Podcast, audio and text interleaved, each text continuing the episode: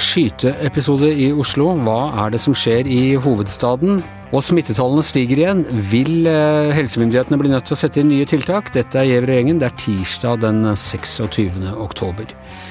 Eh, ja, Shazia eh, Maid, eh, Oslo-jente på din hals, og uh, en som har skrevet mye om, om oppvekst og sosiale problemer i Oslo. Det er altså åttende gang på to måneder at vi har en uh, alvorlig skyteepisode i, i Oslo med, med, alvorlige skader. Uh, hva er det som skjer i byen vår? Det skulle vi likt å vite. Dette her er jo, det er jo veldig spesielt. Det er jo mange mange år siden vi har hatt en sånn situasjon. Jeg husker jo fra min uh, egen barn og ungdom, når det var mye gjengoppgjør i Groruddalen, drapet på Romsås. Så dette her er alvorlig. Og nå sier jo alle som kan si noe, sier jo at de er veldig bekymret. Og det er grunn til å være bekymret. Det er åtte skyteepisoder på litt over to Den første var 15. august eh, på Skøyenåsen. Eh, to som ble skutt. Um, og den siste før den nå i kveld var jo den eh, norsk-somaliske gutten som, eh, som, ble drept. 20 år gammel. Eh, og så skjer da dette på Stovner.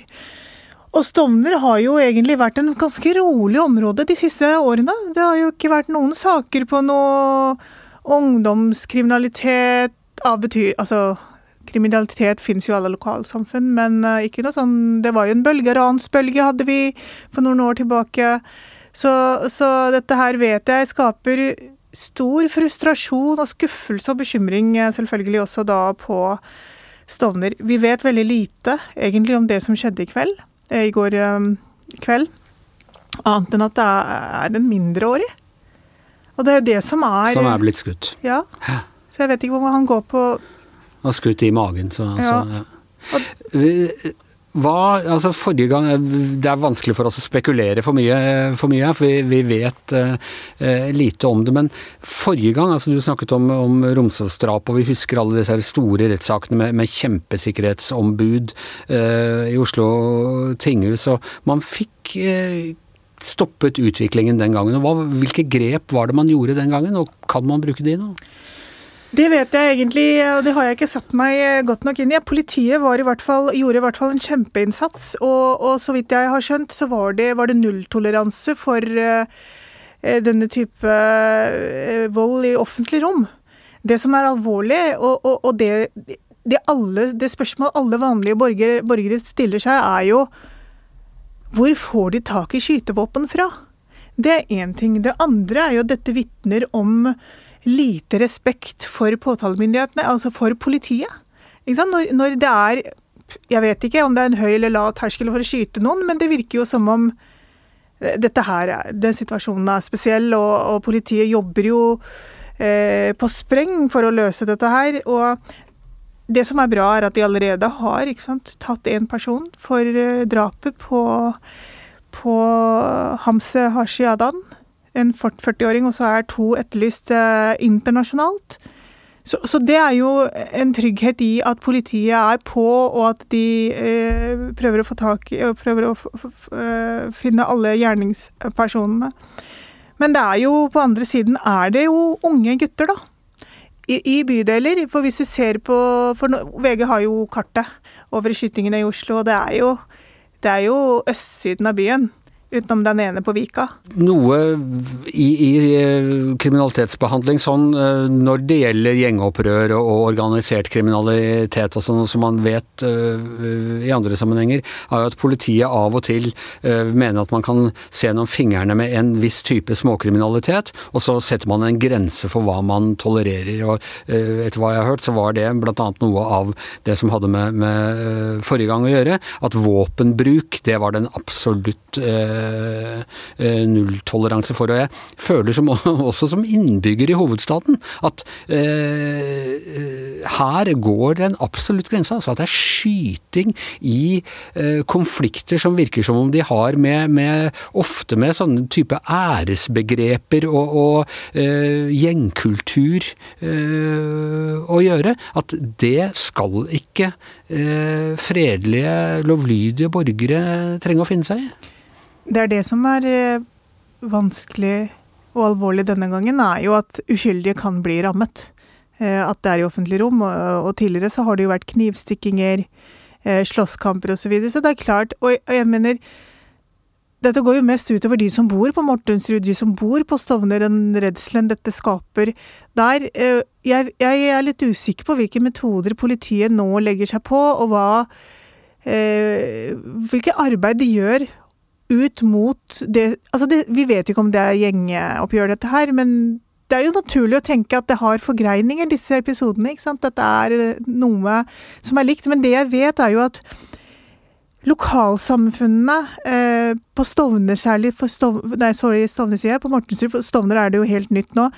På Mortensrud så er det så mange ulike aktører lokalt som har eh, engasjert seg voldsomt. Og jeg ser at eh, nå vet ikke vi om de har pakistansk bakgrunn, noen av disse guttene. Det er jo sannsynlig at de har, noen av dem kanskje har det. Jeg ser at på sosiale medier så er det Folk snakker veldig rett fra levra og spør hvor foreldrene er. Hvorfor er disse guttene ute? Og den type, altså, det går jo kanskje ikke an å stenge en gutt på 20 år. Eller... Jeg vil tro at, at eh, gutter på, med, med, adgang til våpen, det er ikke så lett nei. Det er ikke sånn som du kan si nei, nå må du være hjemme og gjøre lekser. Det er, da har det har gått for eh, langt, problemet gått for langt. Ja. Ja. Men det er jo en veldig levende diskusjon om uh, bakenforliggende årsaker. Ikke når de står i et gjengoppgjør hvor hvis du blikker, så blir du skutt, omtrent. Dette handler jo om, ikke sant Folk spør har fedre vært fraværende? Eh, er, det, er, de fattige? Bor de for trangt? Men det er mange som bor trangt. Mange som er fattige, det, ja, uten at de begynner å skyte. Mange som har sosiale problemer. Så, så, her er det noe mer. Det er en ingrediens her som da eh, Enten så er det en ketsjup-effekt, men det er et eller annet som har gjort at man har satt i gang noe her som vi må prøve å stoppe. Fordi dette kan jo ikke fortsette. Nei, Det skal bli spennende å se hva politiet finner ut uh, om dette, og, og, når vi vet mer, så er det jo også uh, lettere, uh, lettere å, å, kunne se hva, hva problemet er. Tusen takk skal du ha, Shazia. ja, Astrid Mæland, velkommen på lenke fra Distrikts-Norge. Vi hadde en prat i går om eh, det jeg kom eh, Eller jeg skade, skade. Jeg kalte Bø i Vesterålen for et skatteparadis. Det øh, har en engasjert lytter øh, henvendt seg til, øh, til, meg om i dag, og sagt at Bø er ikke, er ikke, et skatteparadis, for et skatteparadis er et sted hvor ja, som Cayman Island og, og sånne steder hvor du, hvor du kan plassere formuer uten at man har innsikt i finansene dine. Eh, er du enig i den definisjonen? Ja, det er jo kanskje det er litt forskjellige definisjoner av skatteparadis. Og jeg er enig i det at eh, Bø i Vesterålen er på en måte ikke topp, topp tre. Det er ikke Sankt Tropez? Det er full innsikt i skattelistene der, og det er ikke sånn at de har shady forhold oppi der som sådan. Det er bare det at de har satt ned formuesskatten eh, kommunalt, som gjør at det er eh, attraktivt da, for rikinger. De kan spare penger på, på formues. Ja, det er lokale skatteregler som, som, er litt annerledes, men det er altså ikke et sted Hvis noen av våre lyttere nå hadde egentlig planlagt å sylte ned en formue i skjul i Bø i Vesterålen, så, så er ikke det mulig. Altså. Så skatteparadis er litt ironisk ment òg. Altså, det er jo mange som har kalt det skatteparadis. Vi har så lite av det i Norge, så det, det skal lite som skal til for å kvalifisere. Kanskje skatteparadis bør bli en beskyttet tittel? At du ikke skal ha lov til å kalle deg skatteparadis med mindre du er virkelig et skatteparadis? Cayman Island kommer til å saksøke Bø i Vesterålen. ja. Vi har hevd på det begrepet. Jeg tror jeg kanskje ikke det er Bø i Vesterålen selv som har, eh, har, kalt seg et skatteparadis, men det er også i mediene som har vært litt uh, rause med den. Uh. Sant, ja. Og i, i, det samme så kan vi også da uh, si at uh, altså vi, vi, snakket om at Solberg-regjeringen stilte seg som en slags garantist for at kommunene ikke skulle tape på denne ordningen med å innføre lettelser eh, i formuesskatten for innbyggerne i Bø i Telemark. Det skulle være sånn incitament for å trekke penger til kommunen. Og foreløpig så har de ikke betalt noen, eh, noen penger der. Man har ikke, liksom, har ikke fått skatteoppgjør og sett uh, hvorvidt man har vunnet eller tapt på det. I hvert fall ikke Bø i, Vesterålen, som du, du kalte for Bø i Telemark nå, Anders. Men Kalte jeg det Bø i Telemark? Ja, nei, det er ikke noe skatteparadis. Der har jeg bodd. Eh, jeg har bodd i Bø i Telemark, derfor blanda vi det. Det gjorde jeg i går òg. Men um, ja. altså, de pengene de har jo Eller de lova Erna Solberg-regjeringa det mellomlegget, da, det tapet som eventuelt oppstår pga. Uh, skattenedsettelsen, det lova Erna Solberg-regjeringen å dekke uh, til Bø i Vesterålen.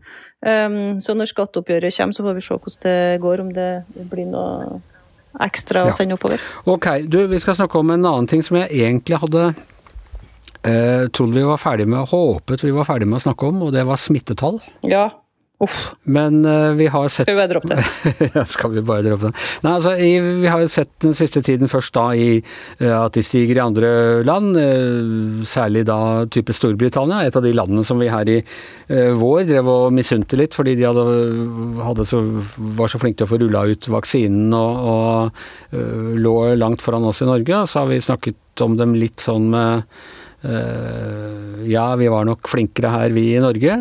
Men nå stiger smittetallene her også, er det sånn å forstå? Smittetallene stiger i Storbritannia ganske lenge, og da dødsfall og dessverre, og innleggelser.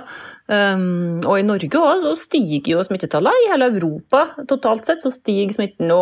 Eh, det er aller verst i Øst-Europa. Der eh, det er litt eh, vanskelig å sammenligne med oss, fordi det er så få som er vaksinert. De er så redd for å ta vaksiner. Lav tillit til myndighetene. Mens i Vest-Europa så stiger det. Danmark stiger det, Norge stiger det. Det er kanskje bare Sverige, en av de få som er heldige. Der stiger ikke. Nei. Er vi nå inne i en runde hvor vi skal si at vi skulle gjort som Sverige? Eh, nei, altså de har jo 15 000 døde. Eh, ca. Eh, pga. korona. Og det er jo langt mer enn i Norge, der vi legger under 1000. Og, mm, men det de har, da, som er fordelen for Sverige akkurat nå, at de har eh, mange mange flere immune. Det er f.eks. barn da, som ikke får vaksine i Norge. De har jo hatt sykdommen i Sverige, sånn at det sprer seg litt uh, saktere der. da. Men òg Sverige forventer seg en vinterbølge. Det gjør Danmark òg. Og Norge de har ikke kommet med den rapporten sin ennå. Det kommer en rapport om vinterbølgen snart, kanskje i slutten av uka, der de ser på samme sak her. Men det er vel ikke grunn til å tro at uh, vi slipper unna, vi, når, hvis det, sånn som det ja, blir likt som i de andre landene, sammenlignbare land sikkert. Men spørsmålet er jo hvor ille det blir. da, Og når Ingvild Kjerkol, den nye helseministeren, hvor kald hun er, når hun vil sette inn tiltak, eller om hun bare lar det skure og gå. Eh, Shazia, hva tror du? For eh, Oslo, eh, er smitten, smitten under kontroll? Jeg tror vi må leve med høyere smitte, og at smitten kommer til å gå opp fordi at det er eh, forkjølelsessesong og influensasesong, og dette er et virus. Og selv om vi alle har tatt eh, vaksinen, så kan jo vi fortsatt bli smittet. Det viser jo tallene i England, men samtidig så er det sånn at eh, Britene var jo mye tidligere ute med å vaksinere seg, så de har jo egentlig ta, hatt vaksinen i kroppen ganske lenge. Og, og, det kan jo se ut som at eh, effekten av den kan være på vei ned. Det kan være en årsak til at det er så mye smitte og mange døde i England. Og nå skal jo folk få eh, altså en boosterdose tre. Og det er særlig eldre som ja, skal få det? Ja, de over 65 jo, får jo det nå. Så jeg, så jeg, tror Jeg vet ikke, men jeg tror det vil gå bra. ok, jeg håper det også. Men smitten kommer jo til Vi må bare bli vant til at uh, smitten kommer til å bli høyere. Du, eh, vi, for å lette litt på sløret hvordan vi snakker om på kommentaravdelingen i dag. Du eh, lufta en overskrift på sånn eh, for det nærmer seg halloween. Masse unge mennesker som kan være fulle av smitte, som skal ringe på hos eldre mennesker og si knask eller korona. Eh, noen på møtet mente at det var for eh, skremmende til at vi, at vi i det hele tatt kunne lufte konseptet, Astrid? ja. Nei, det er jo ingen som vil ha eh, korona. og Tenk litt på det med halloween som er på søndag. Da, at det er jo en del uvaksinerte som skal rundt og ringe på til kanskje besteforeldre og eh, andre eldre i nabolaget. og Det kan hende at det er noen som er eh, engstelig for det. Men det, ja, jeg tror det går bra. Det er jo eh, utendørs eh, opp mye det der, og det er det samme rådet som gjelder som for andre ting. Barnebursdager har vi jo nå, og vi har store forsamlinger, sånn at det, går nok bra. De fleste er jo vaksinert. og de Eh, eldre. Og hvis det er noen som er bekymra, så må det være helt lov å la være å åpne opp, eller Kaste godteriet ut av vinduet er jo ja. selvfølgelig også mulighet. Og så er det jo en fordel med disse eh, trick or treaterne, holdt jeg på å si, disse knask eller knep-folka. De har jo maske. Eh, Shazia, det er jo og, og trenger, trenger, egentlig ikke å kle seg ut, kan bare nei, gå med munnbind. Det kan bare gå med munnbind og skremme folk. Men Astrid, bare helt til slutt før vi slipper dette. Er det noe fare for at vi begynner med liksom sånne tiltak igjen? Jeg var i Italia for et par uker siden. Der er det fortsatt sånn at du må gå med maske i eh, butikker og på, på offentlige steder innendørs? Ja, de har helt på tiltakene altså, mange av de landene litt lenger sør i Europa. Kjempestrenge. Folk går med masker nedpå haka, sier Shazia, så jeg vet ikke hvor effektivt det er. Men eh, jo da, jeg tror absolutt det kan bli aktuelt med tiltak i Norge. Det blir jo kjempespennende å se hvordan den nye regjeringa eh, forholder seg til det. Men eh, husker dere i august, da kom det jo masse smitte, 10 000 i uka.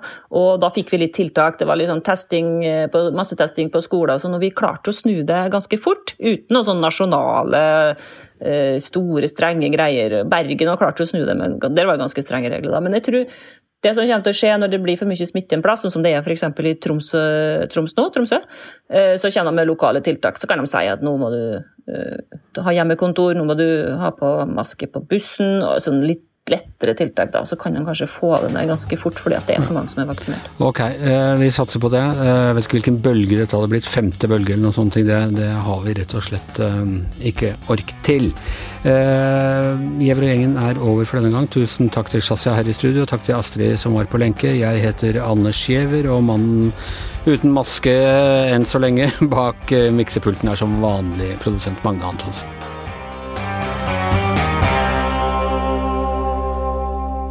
Du har hørt en podkast fra VG.